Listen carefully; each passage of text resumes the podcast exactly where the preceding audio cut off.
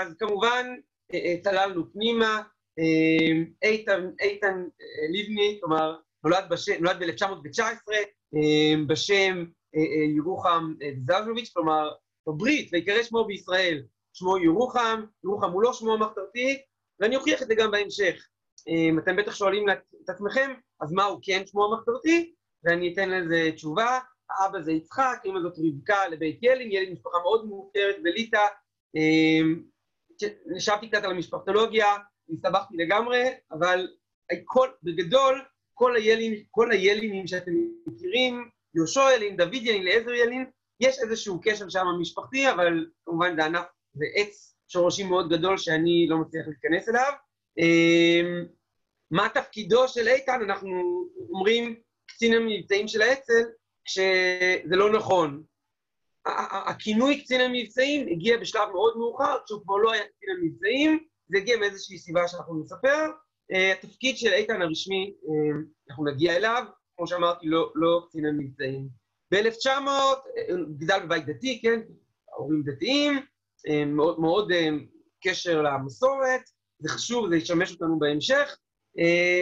ב-1925 יצחק ז'ז'וביץ עולה ארצה, מקדים את המשפחה שתעלה בעוד שנה. כלומר, זה מאוד חשוב, באיזה עלייה עולה אבא של איתן? הוא עולה בעלייה הרביעית. אני מזכיר לכולנו, העלייה השלישית הסתיימה ב-1924, ומשם מתחילה עלייה רביעית למעשה עד 1930 או 31 או 29, תלוי איך סופרים, זה לא משנה, הוא עלה בעלייה הרביעית. וכשאנחנו מדברים על עלייה רביעית, יש לזה title, יש לזה כותרת, עלייה רביעית זה עלייה שאנשים עלו עם כסף. היה פגיעה קשה בפולין, והנגררת במעמד הביניים, ואנשים כן עלו עם כסף, ויצחק זז'וביץ, הוא עושה כמה דברים, הוא קונה פרדס, וחוץ מלקנות פרדס, הוא גם משקיע מאמצים בזה של לקלוט את המשפחה, שתבוא בעוד שנה, שתגיע כבר למצע שכלכלי סביר, שלא תרעב ללחם.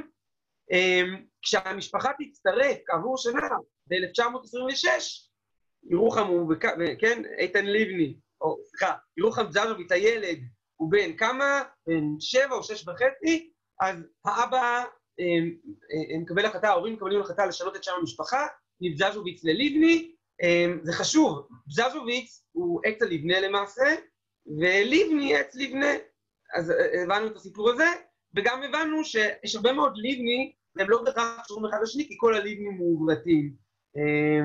אז, אז אין, אין ממש קשר, יש כמה ליבנים מוכרים, שאין בהכרח קשר ביניהם. אנחנו נרוץ קדימה, כי ילד שמגיע לכיתה א', צריך ללכת לבית ספר. המשפחה מתיישבת בתל אביב, וצריך ללמוד. לאן הולכים ללמוד? לאן שולחים ילד? משפחה דתית, אז הוא נשלח לבית ספר תחכמוני. בית ספר תחכמוני, בית ספר שהוקם ב-1905, הבית ספר הדתי הראשון בתל אביב. תחכמוני, זה מאוד מעניין, בית ספר תחכמוני, המבנה קיים, היום זה מי שמכיר, מפעלים תל אביב. בית ספר תחכמוני, היו כמה מנהלים מאוד מוכרים, אתם בטח, אני מניח שהיושבים כאן מכירים את דוקטור מהרשק, שניהל את הבית ספר הרבה שנים, ורזיאל, מרדכי רזיאל, אבא של דוד רזיאל, את השם אתם בוודאי מכירים, הוא גם ניהל את הבית ספר הרבה מאוד שנים, ולגדול בבית ספר תחכמוני, זה אומר לגדול בתבנית מאוד מסוימת. עברתי על מערכת השעות של בית ספר תחכמוני, הלוואי, אנחנו מאוד אוהבים את מערכת החינוך שלנו, שחס וחלילה לא ייתן מפה על מערכת החינוך, אבל מערכת שעות נהדרת, שהלוואי עלינו בכל מערכת החינוך כזאת, מערכת שעות, שלומדים תנ"ך, ולומדים היסטוריה, ולומדים טבע, ומתוך תמונות של הארכיון הציוני, הוצאתי את התמונה הזאת, בספר תחכמוני, עושים התעמלות, עושים התעמלות. בבתי ספר הלא דתיים זה לא דבר מאוד חריג. בבתי ספר החרדים, או הדתיים מאוד, זה היה מאוד חריג. בשנות ה-30, תחילת שנות ה-30, ללמוד, לעשות שיעור התעמלות באמצע, באמצע הכיתה, באמצע מערכת הלימודים, וצריך לומר שבית ספר תחכמוני הוא אחד, אחד המקומות שגידל את הילד איתן ליבני, כשאני אומר גידל את הילד, בית ספר תחכמוני זה בית ספר של 12 שנים, כלומר, 12 שנים, כלומר, מכיתה א' עד כיתה י"ב, הוא לומד בבית ספר, וכשהוא מגיע לכיתה י"ב, מה עושה ילד שסיים את תחכמוני ולא לכיתה י"ב? אומרת רבקה, אמו של איתן, היא אומרת לו שברור לך שאתה אחרי כיתה י"ב ממשיך, ממשיך לישיבה. איתן לא אהב את זה, הוא לא רצה להמשיך לישיבה, הוא רצה להתעסק בכוח המגן, בכוח המגן העברי. מה קרה? מה קרה אה, לאיתן? מה נגע בו שהוא הבין שהוא עכשיו צריך לתת את כתף? סוף כיתה י"ב, עכשיו, או סוף כיתה י"א, שהוא עכשיו צריך לתת כתף לכוח המגן העברי. אז צריך לומר, קרו שלושה דברים מכוננים בחייו של איתן, שגרמו לו להצטרף לכוח המגן העברי, שזה יהיה אצ"ל ועוד כמה דברים בהמשך. אז אני, שלושה דברים. דבר ראשון, הזכרתי, ללמוד 12 שנים בבית ספר תחכמוני, כשמרדכי רזאל הוא מנהל הבית ספר, או, או חלק מהשנים הוא היה מנהל הבית ספר, אז זה מאוד משפיע על האישיות שלך. וקרו עוד שני דברים שהשפיעו בצורה משמעותית על דמותו של איתן. דבר ראשון, כשאיתן בסוף כיתה י', לוקח אותו יצחק, יצחק זה אח של אימא, יצחק זה אח של אימא, לוקח אותו יצחק, כלומר דוד של איתן לבני, יצחק ילין, לוקח אותו לטיול. לאן לוקח דוד את האחיין לטיול?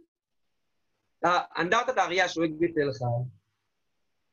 שמה, רגע, הדוד היה רוויזיוניסט. יצחק ילין היה רוויזיוניסט אמיתי, והוא לקח את הבן לשבת מתחת לאנדרטה של האריה שואג בתל חי, ולדבר רוויזיוניזם. לדבר על מי שז'בוטינסקי ומהי תורת ז'בוטינסקי. רגע, מאוד מעניין, ששימו לב שאחד הדברים המעניינים בטרומפלדור, שהיה שואל טרומפלדור, תל חי, זה זה ששני הצדדים של המפה הפוליטית עד היום מתייחסים לטר... לטרומפלדור כדמות. גם השמאל רואה בטרומפלדור דמות וגם הימין, מה זה בית"ר? ברית יוסף טרומפלדור, גם הימין רואה דמות. הרגע, מבחינת איתן, הוא מספר שהרגע המכונן הזה, שהוא יושב מתחת לאנדרטה של הראייה שואג, ודודו, כמובן, גם הדרך לא הייתה קצרה, אנחנו מדברים על שנת כמה? 37, הדרך לא הייתה קצרה, או תחילת 38, אה, גם מסוכנת, וכל הדרך, אני מניח שהם דיברו, זה חלק מבניין עולמו של איתן. אז הדבר השני, כמו שאמרתי, זה הטיול, שלקח אותו הדוד לאריה השואג. הדבר השלישי, זה איתן הוא מנפגעי הפולמוס של ההבלגה. אני מזכיר לכולנו, 36-39, פרעות תרתר תרתת, שלוש שנים של פרעות עם הפסקה באמצע לטובת ועדת פנים, והיישוב העברי בארץ ישראל נקרא בשאלה איך להתייחס לפרעות הערבים. בגדול, היישוב העברי כיישוב דוגל בהבלגה, דוגל בהבלגה, מהרבה מאוד סיבות. הסיבה העיקרית היא, בואו ניתן לבריטים לעשות את העבודה, ובואו ניתן לבריטים תחושה שאנחנו בצד שלהם. צריך לומר, סליחה על ההערה, שהיישוב צדק, כי זה שהבריטים נתנו להקים כוח מגן, מחזיק נשק, כמו הנוטרים, כמו פלוגות השדה, כמו הנודדת, כמו בהמשך פלמ"ח, זה חלק מזה שהיישוב העברי כיישוב לא הגיב, לא, לא הגיב לפולמוס. צריך לומר אבל שפולמוס זה ויכוח גדול, פולמוס ההבלגה, ואיתן הוא מה...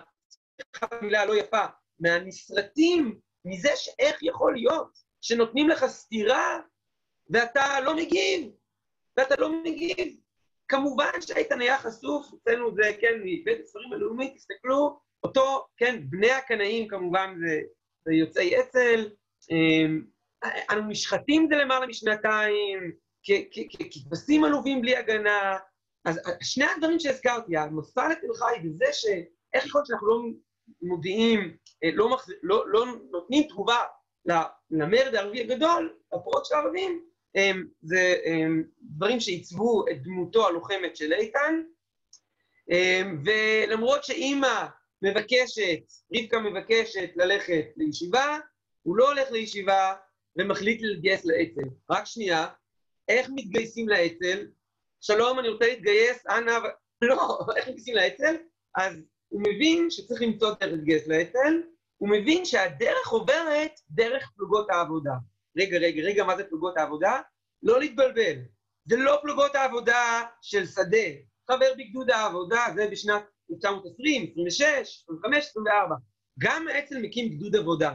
כלומר, זה לא אצ"ל, זה בית"ר, אבל ברור לכם שזה קשור אחד לשני. מה מביא את בית"ר להקים גדוד עבודה? אני מזכיר לכולנו שהמרד הערבי התבטא בזה, חלק מהדברים, חוץ מפרעות, זה זה שהם יצאו לשביתה גדולה.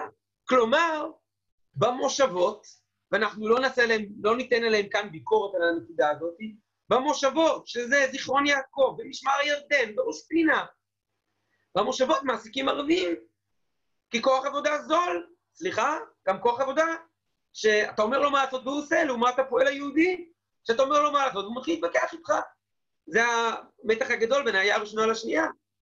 האצ"ל, תנועת בית"ר, שרואה את החוסר הגדול של פועלים ערבים, מקימים פלוגת עבודה, ואיתן איתן לבני, ככה הוא מכנה את עצמו אז, איתן לבני מתגייס לפלוגת העבודה בזיכרון יעקב, כשהוא מקווה שדרך פלוגת העבודה של בית"ר, ממילא יקבלו אותו לאצ"ל, בתוך שלושה שבועות כבר פונים אליו בשאלה אם הוא ירצה להתגייס גם לאצ"ל, וכמובן שזה היה חלומו, הוא נבנה לזה, מתגייס לאצ"ל, וכעבור שנה, שהוא מפלוגות העבודה, שולחים אותו לקורס, אני אומר מפקדים, אם כי זה היה סוג של קורס קצינים, בתל צור, לא רחוק, בכרמל, איזשהו קורס מפקדים מזורז, הוא חוזר לזיכרון יעקב, נמצא שם עוד שנה, ואז פלוגות העבודה מתפרקות. למה צריך לפרק את פלוגות העבודה של האצ"ל, או של בית"ר, סליחה, פעם שלישית, בזיכרון יעקב?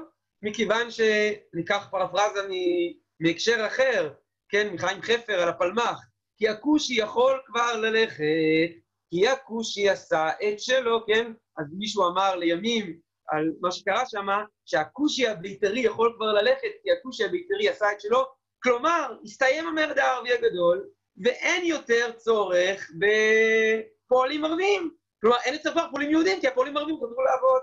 אז עיקרי המושבה זיכרון יעקב מודיעים לפלוגות העבודה של בית"ר, כל טוב שלום, אנחנו כבר לא צריכים אתכם, ואיתן לבני חוזר למעשה לתל אביב רבתי, כשהוא מקבל פיקוד על איזשהו סניף בפתח תקווה, והוא שומע שהאצ"ל נמצא בבעיה כלכלית קשה, צריך לגייס כסף, והוא שומע שעשו כמה, נאמר את זה בזהירות, איך קוראים לשוד בנק? פעולות רכש, שעשו פעולות רכש על מנת לקחת כסף לצורך המאבק בבריטים, ויש לו רעיון. איתן לבני מתכנן את הפעולה הראשונה שלו בתוך האצ"ל. מהי הפעולה הראשונה של איתן באצ"ל?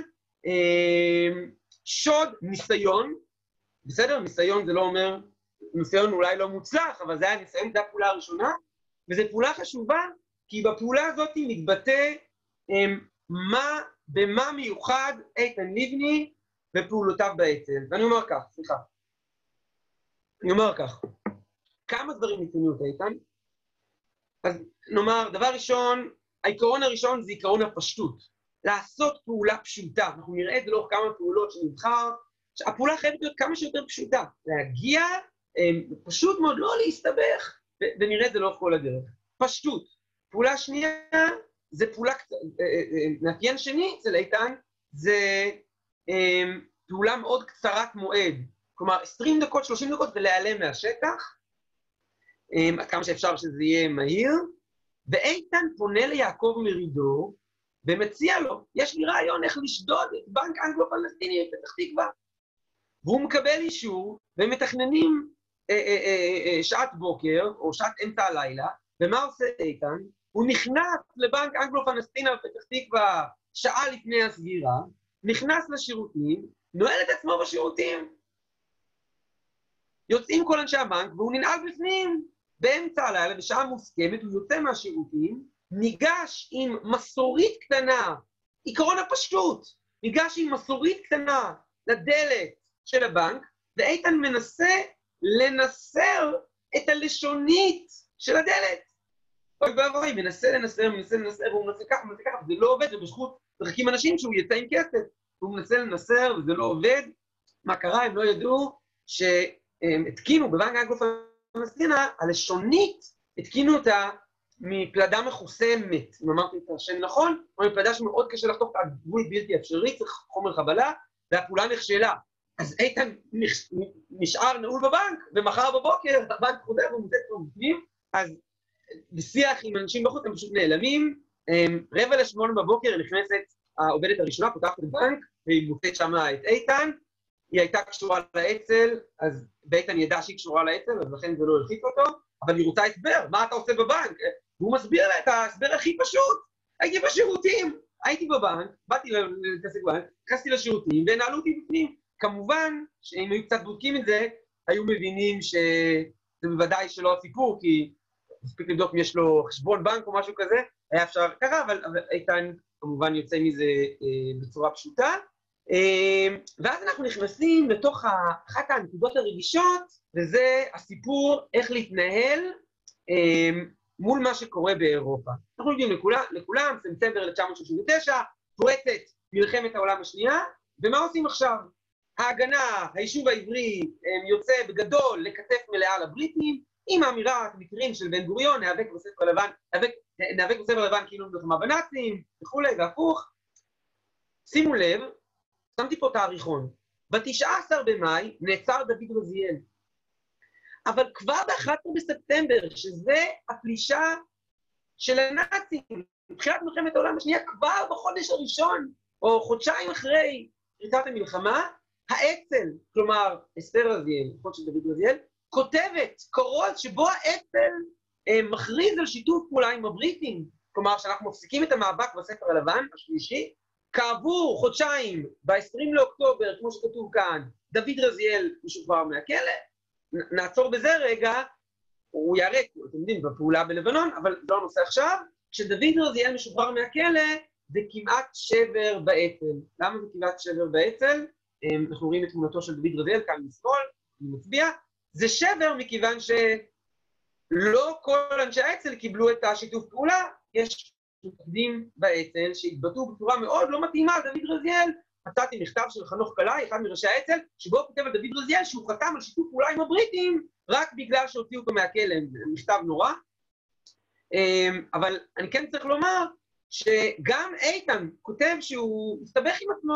מה נכון? האם להמשיך עם דוד רזיאל, או להמשיך עם, רואים את אחד ממפקדי האצ"ל שפורש מהאצ"ל ומקים את הארגון שכולנו מכירים בשם הארגון הצבאי הלאומי בישראל, או ב-1943 הוא קרא לעצמו לח"י, וזה אברהם שטרן המכונה יאיר. האם ללכת אחרי יאיר? זה לא היה פשוט שהולכים אחרי יאיר, אבל קרה משהו שגרם לאיתן להבין שהוא נשאר באצ"ל, וזה כמובן המכתב אה, של ז'בוטינסקי, אנחנו מדברים על כמה חודשים ממש ספורים לפני מותו, הוא נפטר בקיץ 1940, ז'בוטינסקי מעביר מכתב שדוד רזיאל הוא מפקד האצ"ל, וברגע שאיתן רואה את המכתב הוא מבין שגם דרכו ממשיכה להיות באצ"ל. יהיה עוד איזשהו ניסיון לפיצול באצ"ל, אבל גם בניסיון לפיצול השני באצ"ל אה, ימשיך אה, איתן להיות, להיות באצ"ל. אנחנו נרוץ קדימה. מחליט איתן יחד עם מפקדיו לעשות פיצוץ במתחם הגרמני של הטמפלרים בשרונה. זה מאוד חשוב כי זה לא היה מוצלח מדי, הם נכנסו פנימה לתוך המתחם המאובטח, הם הטמינו חומר נפץ תחת לרצפה, חומר נפץ מתפוצץ, לא פגע באף אחד, אבל זה אחד הגורמים לזה שהבריטים הזדרזו להוציא מהמתחם בשרונה את, אה, את אנשי, אה, את אנשי, את, את הגרמנים, את הטמפלרים שהיו, שהיו בשרונה. אה, איתן יוצא לכמה רכישות, זו מילה יפה הזאת, רכישות של נשק מהצבא הבריטי, פעולה בכפר בילו, פעולה בכפר, בבסיס נחל סורק, ואיזשהו מחסן צבי על יד בטרול לא רחוק ממחנה המעצר א', זה לא מחנה המעצר ב' שאנחנו מכירים, מחנה המעצר של כוח המגן, אלא מחנה מעצר א'. אמ, מתחיל ארגון מחדש באצ"ל, ומי שמארגן את הדברים זה יעקב מרידור, ומה שהוא עושה, הוא, כמובן דוד רזיאל נהרג, ויעקב מרידור הוא זה שלמעשה לוקח את האחריות. אמ, יעקב מדור מתחיל לסדר את האצ"ל בגדודים מסודרים באזורים, כשמוקם החלק האדום. מה זה החלק האדום? אני חושב שהרבה מאיתנו פחות מכירים מה זה החלק האדום, החלק הלבן והחלק השחור, נעשה סדר. בתוך האצ"ל הוקמה מחתרת בתוך מחתרת, כלומר, כל אנשי האצ"ל לא ידעו שבתוך האצ"ל יש, יש גוף נוסף שנקרא החלק האדום. החלק האדום מתחלק לשניים, החלק הלבן והחלק השחור. על מה אחראי כל חלק, זה מאוד חשוב. החלק הלבן אחראי על פעולות נגד, פעולות סודיות מאוד נגד הבריטים. החלק השחור, בפיקודו של איתן, אחראי על הי"מ, יחידות המחץ, אחראי על איסוף מידע מערבים, הלבן נגד הבריטים, השחור נגד הערבים. מאוד מהר אליהו לנקין מסיבותיו סיים את, ה, סיים את הפיקוד על החלק הלבן, ולמעשה איתן הופך להיות מפקד החלק האדום באצ"ל, כלומר, גוף שבתוך האצ"ל שרצו לשמור על מידור מוחלט. אמ, ויש כל מיני סיפורים מוזרים, איך שפונים לאנשי החלק האדום, פונים להם שואלים האם אתה רוצה להתגייס לאצ"ל, כלומר, גם למתגייסים של האצ"ל, שידעו מי באצ"ל ומי לא, לא היה להם מושג אמ, מה באמת, מה זה החלק האדום ומה זה, ומה זה החלק השחור ומה זה החלק האדום, הם לא הכירו את הסיפור. אמ, אירוע דרמטי מאוד, ב-21 בפברואר 42, צוללת סובייטית מפציצה את מאות, 768 האנשים שהיו על האונייה סטרומה. אמ, אירוע לא פשוט בכלל, 768 הרוגים, אה, סליחה, אחד ניצל, אחד ניצל, ולאצ"ל ברור שצריך, אה, הבריטים הם אלו שדאגו שהאונייה לא תצליח להגיע לשום חוף, הם לחצו על העות'מאנים, אצ"ל היה ברור לו, ש... לאצ"ל ברור שצריך להגיב, וכאן הם מכניסים לפעולה את החלק האדום של איתן, ואיתן יוצא לתוכנית באמת גרנדיוזית. מה התוכנית? אז הכותרת של התוכנית, לקחתי אותה מתוך אחד המסמכים שמצאתי, וזה, קראתי לזה להעמיס את הנציב. מה זה להעמיס את הנציב? יוצאים. מתכננים פעולה, להגיע לארמון הנציב בירושלים, ולהעמיס את הרולד מייקל, הנציב הבריטי האחד לפני האחרון, להכניס אותו לתוך ארגז, הנה הבחור, להעמיס אותו לתוך ארגז ולקחת אותו לפתח תקווה. הפעולה יצאה לדרך והחליטו לחזש אותה, בגלל שחשבו שזה יותר מדי לעשות דבר כזה, להעמיס את הנציב, אבל כאן אנחנו רואים את אה, יסודות התכנון של איתן. אומר, איתן, להיכנס לארמון הנציב, להיכנס לתוך החדר של הנציב הבריטי, חבר'ה, אל תצחקו, לקחת את, אה, את, את, אה, את הנציב העליון, להעמיס אותו לתוך ארגז, להכניס אותו לאוטו ולקחת אותו לפתח תקווה, אבל כל הפעולה הזאת היא אחרים 33 איש, פשוט מאוד, מהר מאוד, וזה, וזה, וזה, וזה איתן. הפעולה לא יצאה לדרך, אם כי התכנון הוא מאוד חשוב לענייננו, נדלג על זה. אמ, בסוף 39, כלומר תחילת 44, אמ, מתמנה מפקד חדש אה, לאצ"ל, וזה בגין. צריך לומר שזה לא עבר חלק, תמיד נוח לנו לחשוב שזה עבר חלק, זה לא עבר חלק. אמ, הרבה מאוד אנשי אצ"ל לא הבינו מאיפה הבאתם אותו. אז נכון שהוא איש תנועת בית"ר, ונכון שהוא ויזיוניסט, ונכון שהוא תלמיד של ז'בוטינסקי, שכבר לא איתנו כמה שנים, אבל uh, מי זה שיהיה כאן, שיגדל בארגון ויקבל את הפיקוד. ובסופו של דבר, יש החלטה שבגין אה, יהיה מפקד הארגון, מפקד האצ"ל, צריך לומר שזה כמעט עשה פילוג באצ"ל. ואיתן יספר שכשבגין התמנה, אחת, אחת התחושות הם של כל אנשי האצ"ל, רק לא פילוג, רק לא פילוג, הרבה מאוד אנשי האצ"ל היו שבעים פילוגים. תחשבו, הם עברו פילוג מהלח"י, הם עברו פילוג מהגנה א', אני מזכיר לכולנו, הרי מתי האצ"ל הוקם?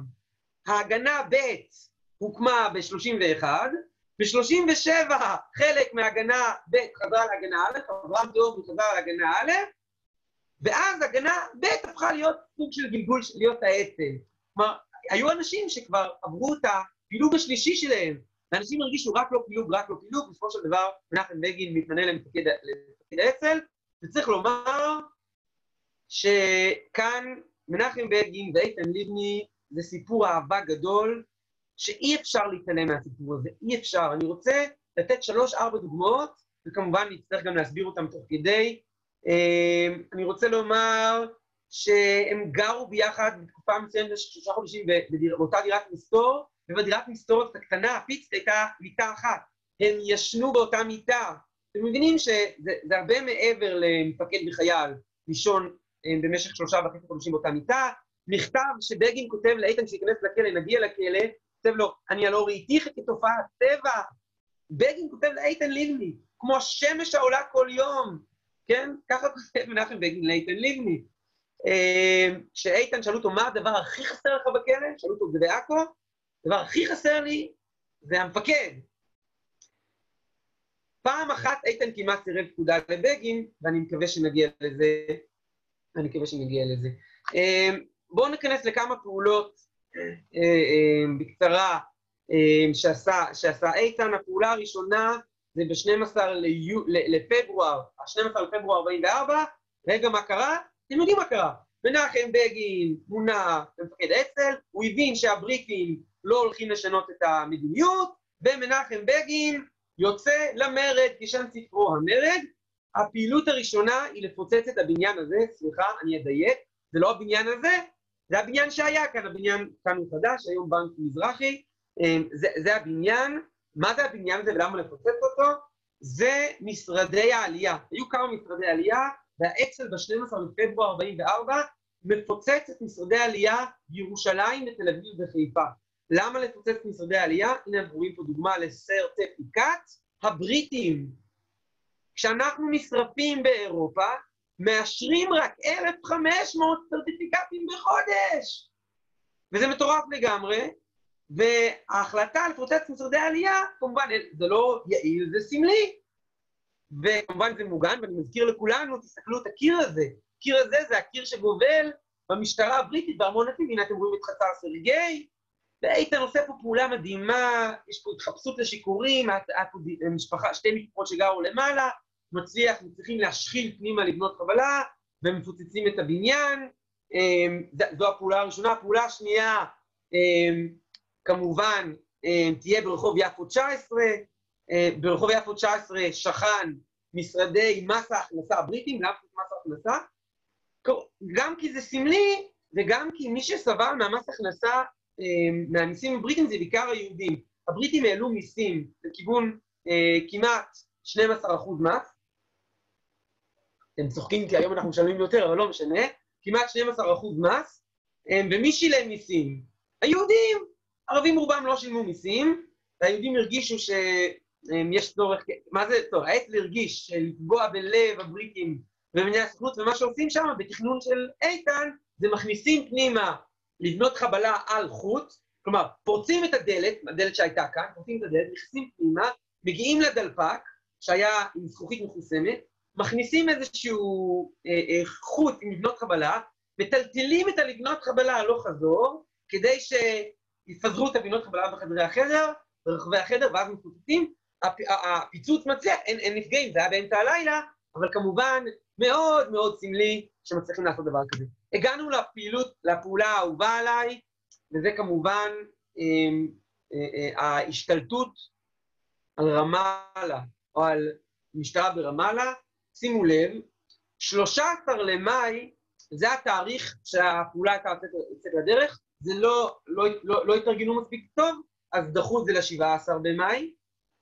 למה, מה זה ה-13 במאי? 13 במאי זה חמש שנים לספר הלבן הנורא השלישי, ולכן ב-15 למאי מחליט האצ"ל, נחם בגין, כחלק מהמרד, מחליטים לפוצץ, סליחה, חלילה, מחליטים להשתלט על הבניין הזה. תראו את התמונה, ותראו את הבניין היום, היום לא ביקרתי, זה מתוך האתר של הרשות הפלסטינית, זה, הבני, זה המשטרה המשופצת היום, זה בניין, זה המוקטה של הרשות הפלסטינית, שימו לב למגדל הזה, זה זה.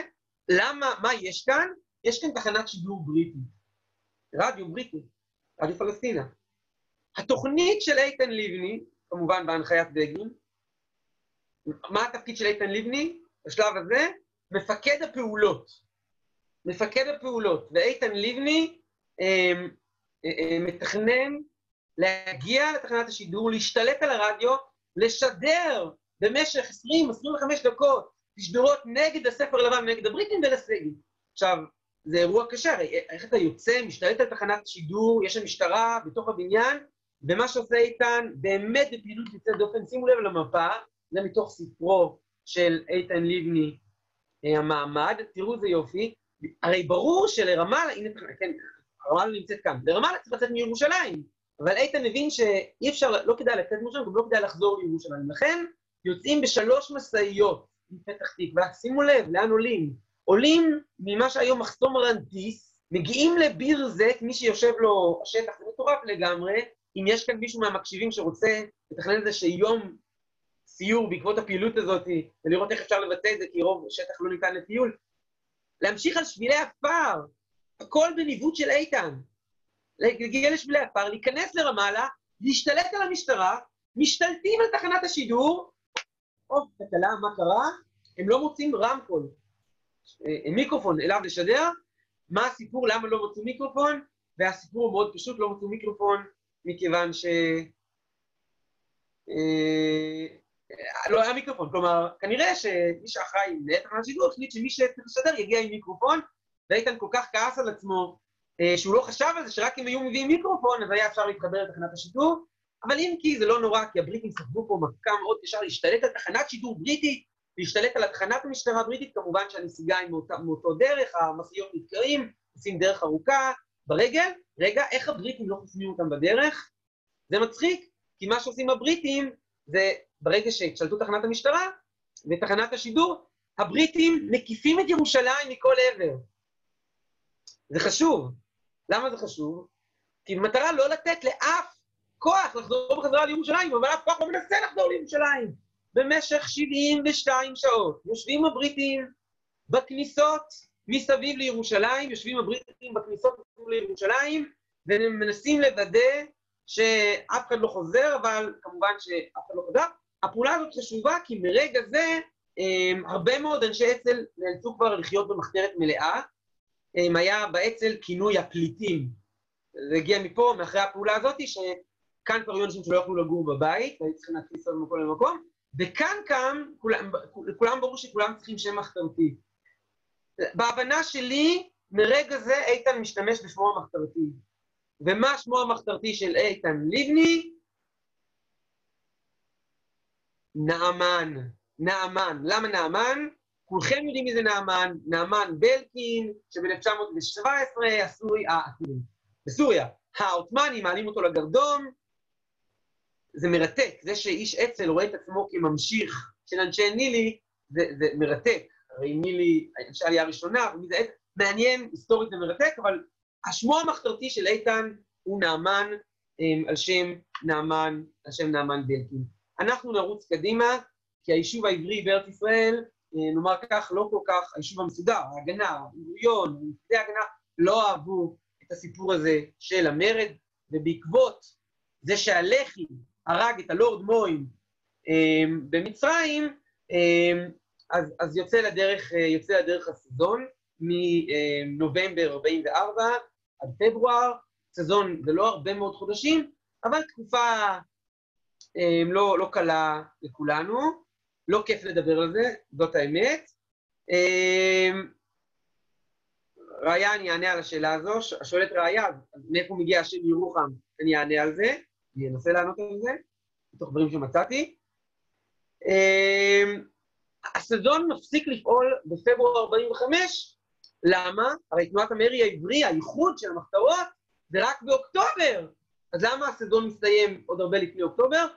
כי היה לחץ בפלמ"ח, אמ, וגם בהגנה להפסיק עם הסזון, ולכן מהלחץ מלמטה הסזון הפסיק, זה הסיבה. זה מאוד מעניין. ובאוקטובר 45 יוצא לדרך תנועת המרי העברי, אמ, מפלגת הלייבור עולה לשלטון, בן גוריון שחיכה שמפלגת הלייבור תשנה את היחס שלה לתנועה הציונית, קיווה שזה יקרה, וזה, וזה לא קרה, אמ, ואז הם יוצאים לתנועת המרירית, מה שאנחנו יותר אוהבים. נאמר מילה על הסזון ואיתן. אמ, אז כמובן, איתן ממשיך את הקו של מנחם בגין, רק לא מלחמת אחים, ופה צריך לומר, זה, זה גם בעדויות של בגין וגם בעדויות של איתן, ירוחם, נעמן, אמ, אה, אה, אה, לתפוס, להגיע לירושלים, להשתלט על בית, ולהקים בו איזשהו, עם דגלים של האצ"ל ושל בני ישראל, ולמעשה להקים אחדות בנשק בירושלים נגד הסזון, וכאן איתן ליבני אומר למנחם בגין, אני לא אעשה את זה, ובגין שואל את איתן, אתה תסרב לי פקודה? ואיתן ליבני אומר, כן, אני אסרב לך פקודה. זו הפעם היחידה שאיתן ליבני העיד לומר למפקד, למנחם בגין, שאני אסרב לך פקודה. ציטוט מתוך השיח, מה, אתה מפר פקודה? אתה ממרה את פי ככה שואל, שואל מנחם בגין, הסזון ואיתן, האם איתן אה, סבל מהסזון? בוודאי, הוא היה צריך לברוח מדירה לדירה, ושימו לב, זה רחוב סוקולוב, להבנתי הצנועה, זה הבניין, ושוב, אני לא מתחייב, ככה אני מבין, זה הבניין שבו אה, אה, אה, השתכן איתן לבני. זה, זה, זה הבניין שבדירה קיבל חדר להשכרה, כמובן בזוג גלויה, הם לא ידעו מי גר אצלם בבית. יום אחד איתן חוזר הביתה, תקופת הסרטון, והוא רואה אור נדלק ונחבא. והוא חושב שיש איזה קצר חשמל, הוא לא חשב שזה משהו, כשהוא נכנס פנימה, כופתים אותו מכוסי פנים, כמובן אנשי שירות הידיעות, אולי גם פלמחניקים, ומכים אותו בראש, ומכים אותו בכל חלקי הגוף, ואיתן אומר, אני, זה לא אני, אני לא מבין מה אתם רוצים, אין לי מושג, אה, אני לא קשור לאצ"ל. אחרי כמה שעות שהם מכים אותו ופתחו לו את הראש אדם זב, הם, הם מבינים שכנראה לא בטוח שזה הוא, והם אומרים, אנחנו לא בטוחים שאתה לא מהאצ"ל, אבל אנחנו עוזבים אותך. איתן יספר שברגע שהם יצאו מהחדר, אז הוא קפץ, אה, הוא קפץ לשולחן, הרים את השולחן במרכב החדר, ובדק בשולחן של החדר, אז הוא החביא מפות של ירושלים. הוא רק קפץ לשולחן לראות שהם לא, לא מצאו את המפות כשהוא, לא, כשהוא עדיין לא היה, והוא כתב ששמחתי שהם לא מצאו את המפות, לא משנה שהוא הלך, אה, הוא שכב יומיים בבית חולים, אה, תפרו לו את הראש, אה, ו, ו, והוא שכב יומיים בבית חולים. שימו לב כמה זה חשוב, שלמרות שאיתן בעצמו, ברמה האישית, נפגע פיזית מהסזון, אמ, רק לא מלחמת אחים, זה יהיה סגירת מעגלים, שנגיע לזה עוד רגע, אמ, אני צריך עוד כמה דקות, וננסה להעביר את השרביט לציפי. אמ, מוקמת תנועת המרי העברי, הפעולה הראשונה של תנועת המרי העברי כמובן, אני חושב שידוע לכולנו, אם אנחנו מתעלמים מהבריחה מהכלא בעתלית, מהמצב יותר, זה בראשון לנובמבר, ההגנה האצ"ל והלח"י פושטים על 153 נקודות של מסילות רכבת, כשהאצ"ל והלח"י בפיקודו של איתן מפוצץ את תחנת המשטרה, את תחנת הרכבת בלוד, במבצע שיקרא מבצע מסיבה. אמ, הפיקוד על המבצע הוא איתן. פעולה נוספת תהיה באפריל 45, שוב, תנועת המרי העברי, יוצאים לליל, ללילה שבו הולכים לפוצץ אמ, שלוש נקודות של תחנת רכבת, נקודה אחת, כוח צפוני יישלח לפוצץ את תחנת הרכבת של יבנה, כוח מזרחי הולך לכל מיני גשרים בין רחובות ליבנה, וכוח דרומי, שהוא הכוח הגדול, הלך לפוצץ גשר, שאנחנו רואים אותו בתמונה, אנחנו מכירים אותו, לימים הוא יקבל בהקשר אחר את השם גשר עד אלון, אה, תחנת הרכבת של אשדוד. אה, איתן ליבני כמפקד כל הפעולה מצטרף אה, לכוח הדרומי, הם מצליחים לפוצץ את הגשר, אבל מקיפים אותם גדוד מאוד גדול, בריטי, מעל 600 חיילים. איתן מנסה להוביל אה, איזושהי בריחה גדולה, וזה פשוט לא עובד, ובסוף הבריטים מצליחים להקיף כוח של 31 איש, ועוצרים 31 מאנשי אצ"ל, ונלקחים לבית המשפט.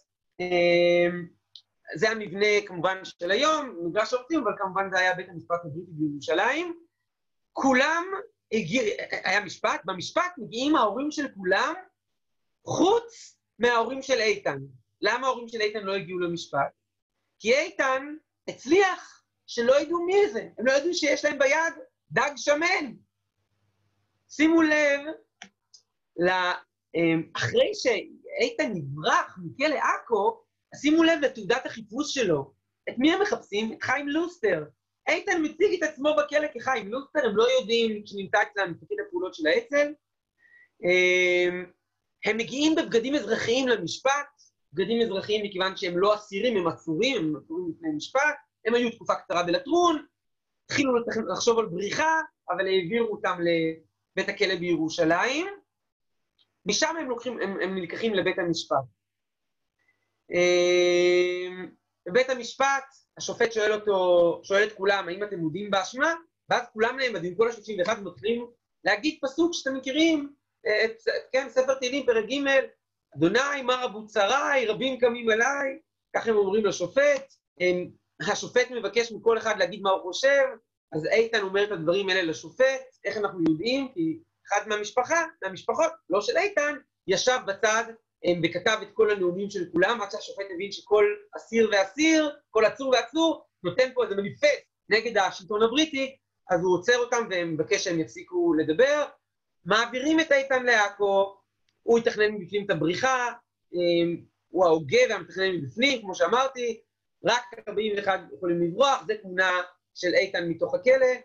אמ, אנחנו יודעים שהבריחה הצליחה עם, ה, עם, ה, עם הכאב של, של מה שקרה שם, אמ, ואנחנו רואים, כן, אפריל, סליחה, 4 במאי 45, טייד גדול על נמלטי עכו, וכמובן שאיתן חוזר, מגיע מאוד מהר, בתוך פחות משבוע מגיע בחזרה ופוגש בדירת המסתור את בגין. תראו, איתן ליבני כבר לא יכול לחזור לתפקידו מפקד הפעולות, כי התפקיד נתפס, סליחה על המילה, על ידי גידי. מיכאי פגין הוא עכשיו מפקד הפעולות, ומנחם בגין עושה כמה דברים. דבר ראשון, יספר בגין, דייט, שניהם מספרים את הסיפור, שכשבגין פוגש פעם ראשונה את איתן, שברח מהכלא, הוא מוריד את השעון שלו, וואי, אני צריך להעביר את השרביט לציפי, אז אני עוד כמה דקות, אמ, אה, הוא מוריד את השעון שלו, ומעביר את השעון למנחם בגין. מנחם בגין מוריד את השעון ומוריד את השעון, מעביר את השעון שלו לאיתן, לוקח את השעון של איתן, הוא אומר שככה היה המנהג בפולין, כשאתה, לא, כשאתה פוגש מישהו שלא ראית הרבה מאוד זמן, אתה מחליף איתו שעונים, ובגין מציע לו אה, אה, לטוס לאירופה, לארגן את האצ"ל והעלייה מהאצ"ל ולפלוגות אצ"ל באירופה. אמ, איתן לא, לא אוהב את הרעיון בהתחלה, אבל בסופו של דבר הוא משתכנע אמ, וטס לאירופה. כלומר, זה גם היה חשוב, הוא היה מבוקש גדול, לא, לא היה חכם שהוא מסתובב בארץ, והחל מאז הוא באירופה, מסתובב בכל מקומות, גם בצרפת, נוספים, עושה פעולות מאוד מאוד חשובות. הנה התעודה. אמ, אנחנו רואים כאן, אה, אומרים לי שנשמע מקוטע, אני מנסה לשפר. אמ, תעודת עיתונאי, מזויפת כמובן, של איתן, שאיתה הוא מסתובב, והגענו למלחמת העצמאות, זה בניין האו"ם, כ"ט בנובמבר, ובגין אה, ואיתן לבני עדיין באירופה. כלומר, אמ, הוא מסתובב באירופה, נמצא באירופה, אמ, ואיפה העבודה החשובה? העבודה החשובה נמצאת בארץ. ריקודים בכ"ט בנובמבר, ואיתן יודע שהבריטים עומדים לעזוב, והם לא שמה. התמונה הזאת של 14 במאי, שבו נציב הבריטי האחרון אה, אה, עוזב את הארץ, הנה שימו לב, אלנבי נכנס, וכאן האחרון עוזב. אלן קלינגהם כמובן עוזב את הארץ, רגע שעבדו עליו מאוד מאוד, שציפו לו וחיכו לו הרבה מאוד זמן, שהבריטים יעזבו.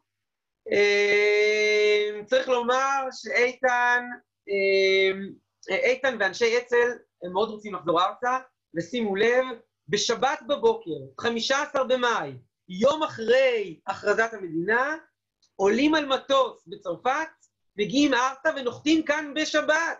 נוחתים כאן בשבת, ועל החתימת דרכון נחתו בתל אביב, לא בלוד, ועל החתימת דרכון כתוב 15 במאי, איתן לבני חוזר 15 במאי, מגיע להורים שמאוד מתרגשים, לא ראו אותו הרבה מאוד זמן, כמו ראו אותו עכו, עכו לא, לא ראו אותו, חזר ארצה, פגש אותם וטס לאירופה, אז כל הזמן הזה כמעט ולא ראו אותו, התרגשות גדולה. וכאן, טוב, אני אולי אשאיר את זה לציפי, שעוד רגע אני מעביר לה את השרביט, אמ, אבל אה, כאן תופסת אותו אימא, אמ, ואומרת לו, אתה לא הולך לשום מקום, איתן, חתונה עכשיו, חתונה עכשיו, אני אשאיר את זה לציפי, אבל אה, מארגנים חתונה בספירת העומר, באישור של, אה, אה, באישור של הרב אונטרמן, ובאמת אני מעביר את השרביט עוד רגע, אני צריך לסיים את מלחמת העצמאות, ואני אומר ששימו לב, מתוך עיתון דבר, אלו שנרשמו לנישואים, ושימו לב, ירוחם בן יצחק לבני. כלומר, איתן, הוא נולד עם השם ירוחם.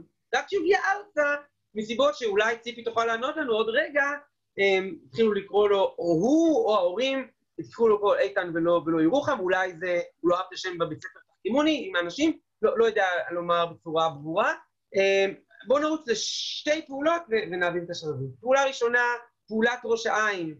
איתן לבני, ירוחם, מקבל פיקוד על שתי פלוגות אצ"ל, מסתערים על העיראקים בראש העין, הפעולה מצליחה, הם נאחזים בראש העין, מבינים שהם יכולים לסגת, מסוגים מאוחר מדי, והעיראקים השתלטו בחזרה על תחנת השאיבה. לכאורה כישלון גדול, לא, לא כישלון גדול. למה?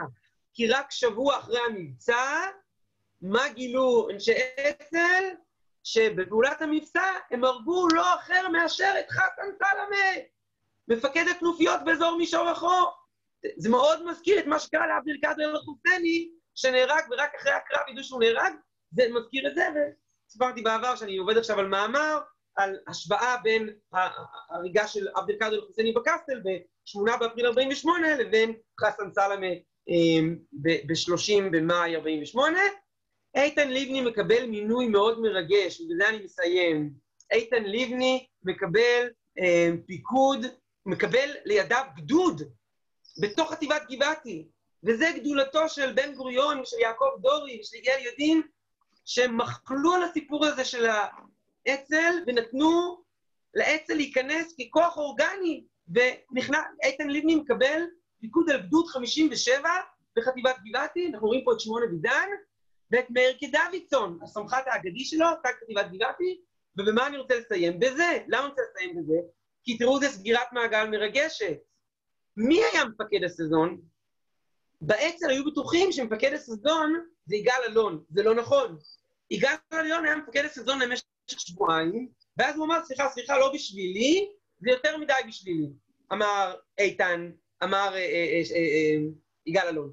ולכן הוא זז הצידה, ומי שמקבל את הפקוד על הסזון, מי שמקבל את הסזון, זה למעשה שמעון אבידן. ולמעשה, מג"ד גדוד 57 איתן לבני, הוא מג"ד בתחת המח"ט, שהיה מפקד הסזון. הם ידעו את זה, שמעון אבידן ידע את הקשר ללבני, ולבני ידע ששמעון אבידן הוא מפקד הסזון. אבל יש פה סגירת מעגל, היכולת של האצ"ל, גם בסזון, רק לא מלחמת אחים, וגם באקדמיה שלא הספקתי להזכיר, אבל בוודאי, לא, לא נדבר על זה עכשיו, כמובן אנחנו מלחמת אחים, יש פה סגירת אה, מעגל נהדרת. ומה שניסיתי להראות כאן, אה, את הדמות הכל כך משמעותית, שאולי לא זכרנו מספיק, אולי לא זכרנו מספיק, אחד המשפיעים הגדולים ביותר על האצ"ל ועל הכוח המגן העברי. איתן לבני, ירוחם, נעמן, או בשם האחרון, בבית הכלא בבית לחם, האסירות, איך הם קראו לירוחם? הם קראו לו עץ הרימון, וזה סיפרה לי היום יעל, רכזת ההדרכה האגדית של מוזיאון עשרה המחתרות בירושלים. נמצאת איתנו עם השרה לשעבר אה, ציפי לבני, שמדגישה כל הזמן, היא לא רק הבת של איתן לבני, היא גם הבת של שרה לבית רוזנברג, שגם היא אשת אצ"ל, ונבקש מציפי לספר על אה, משפחתה, על ההורים, משפחתי המשפחה הלוחמת. ציפי, לא רואים כל... אותך. לא רואים? לא רואים.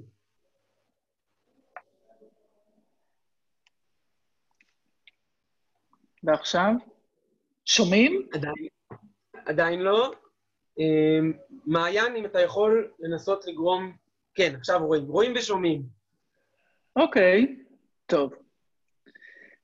אה, ככה, קודם כל, אה, תודה, אביחי. אה, ריגשת אותי מאוד בעצם הפנייה, שהפנייה הייתה מאוד טכנית, לברר את כל עניין השמות.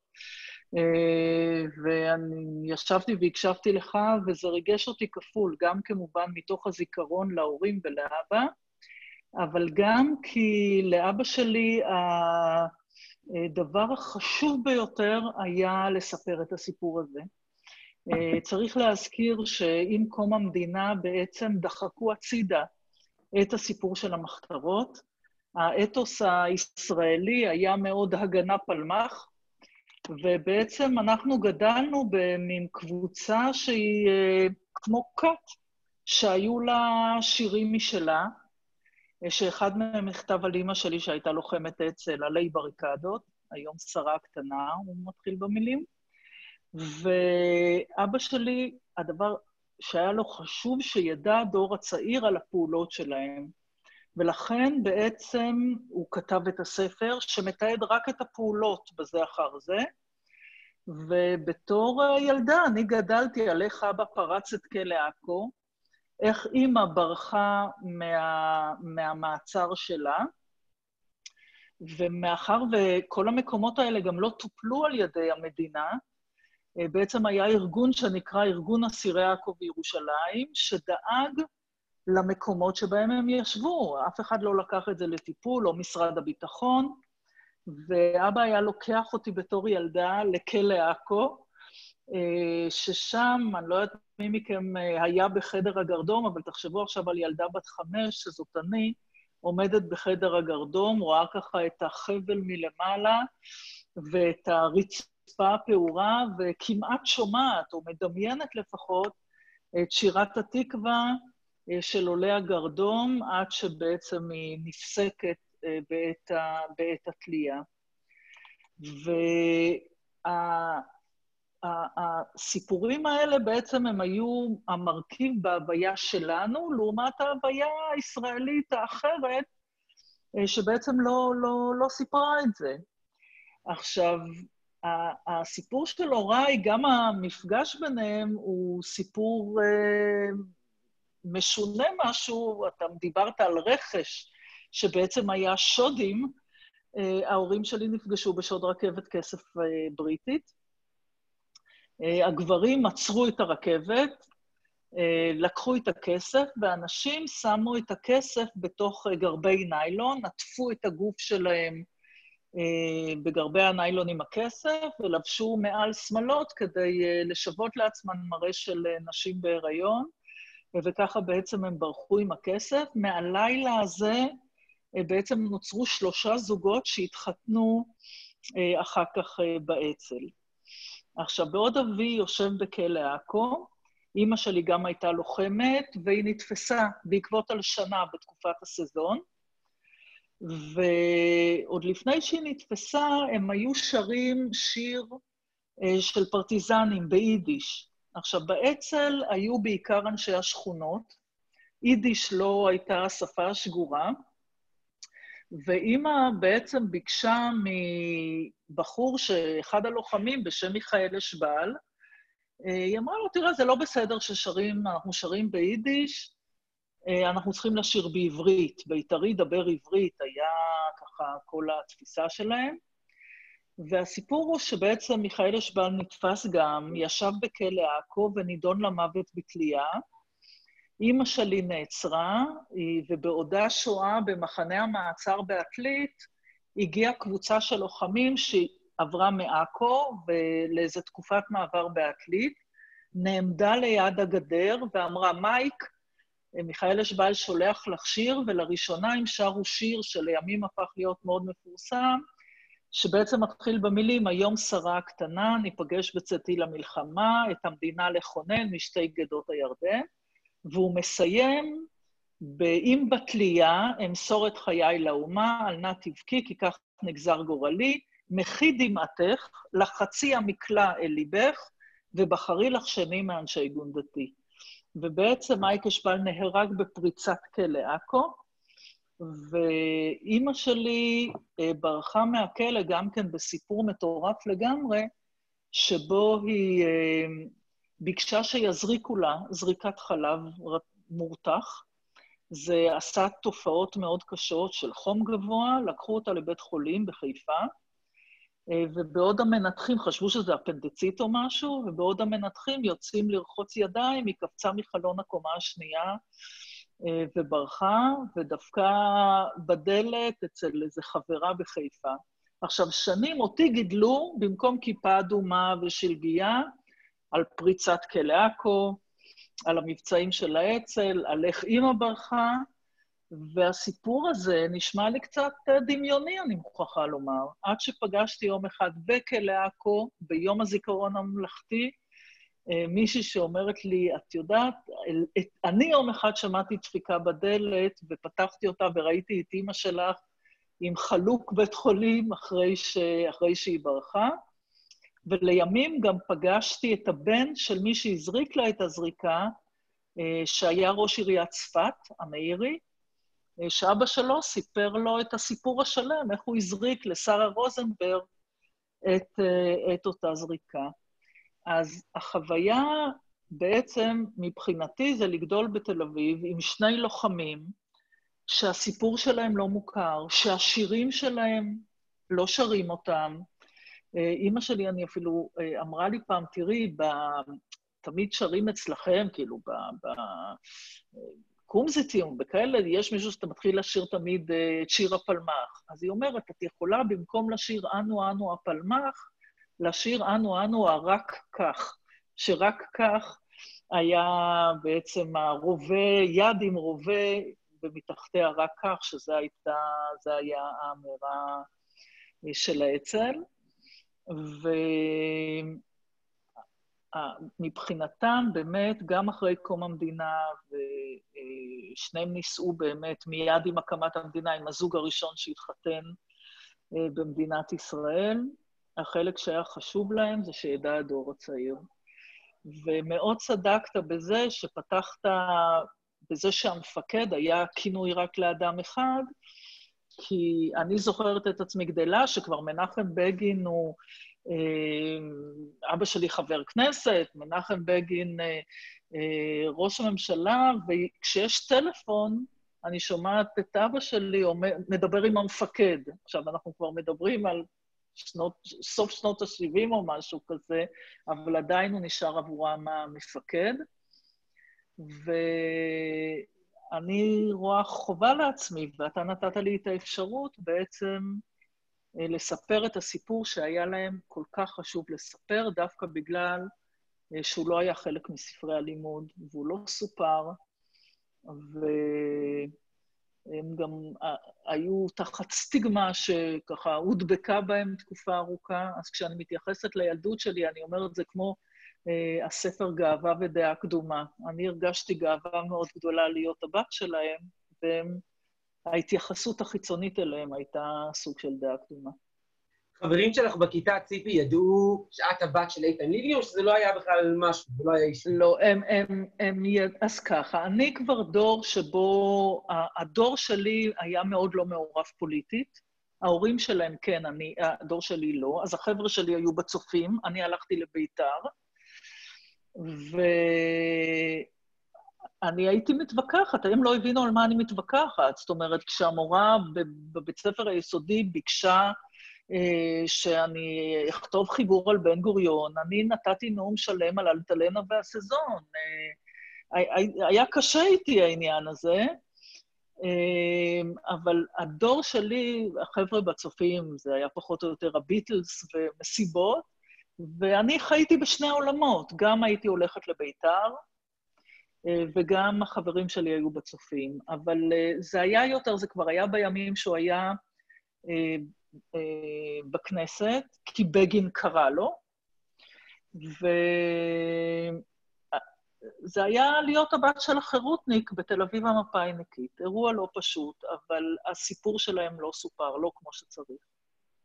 וזה הפריע לאבא? הוא דיבר על זה פעם שלא זוכרים לא, אותו? מאוד.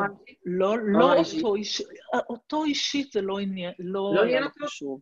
לא. הסיפור הוא כתב ספר שלם שכל הספר המעמד זה רק על מבצעים. עכשיו, אתה יכול להגיד, זה בכל זאת, תכניס יותר ככה את הסיפור שלך. לא, הוא אומר, אני רוצה את המבצעים, אני רוצה שישמעו על המבצעים. זה הרג אותו, שהמדינה לא לוקחת אחריות על המקומות האלה. תראה, אני גם זוכרת בספר הלימוד שאני קיבלתי, ספר היסטוריה, שלימדו אותי שההורים שלי או החברים שלהם לבשו מדים חומים, ככה להזכיר את התנועות הפשיסטיות, והייתה גלוריפיקציה של הדם, וחינכו על שנאה. בואו, אני, אני... לא רק שאני זוכרת איפה זה מופיע, אני הרבה שנים אחרי זה הלכתי לבית אריאלה בתל אביב למצוא את העמוד הזה, כי לא הייתי בטוחה שאני זוכרת נכון.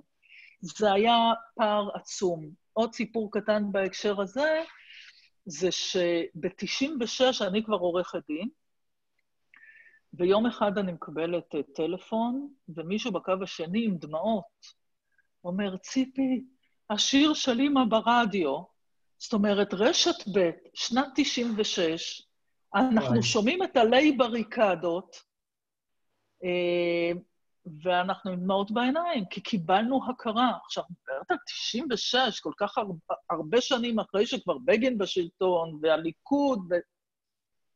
ובכל זאת. אז זה מרגישה... הסיפור שהיה להם. כן. את מרגישה שהיום זה כבר אחרת? מישהו שואל כאן, שהיום אה, יש הערכה אחרת. אה, קודם כל כן, אפילו ברמה הטכנית.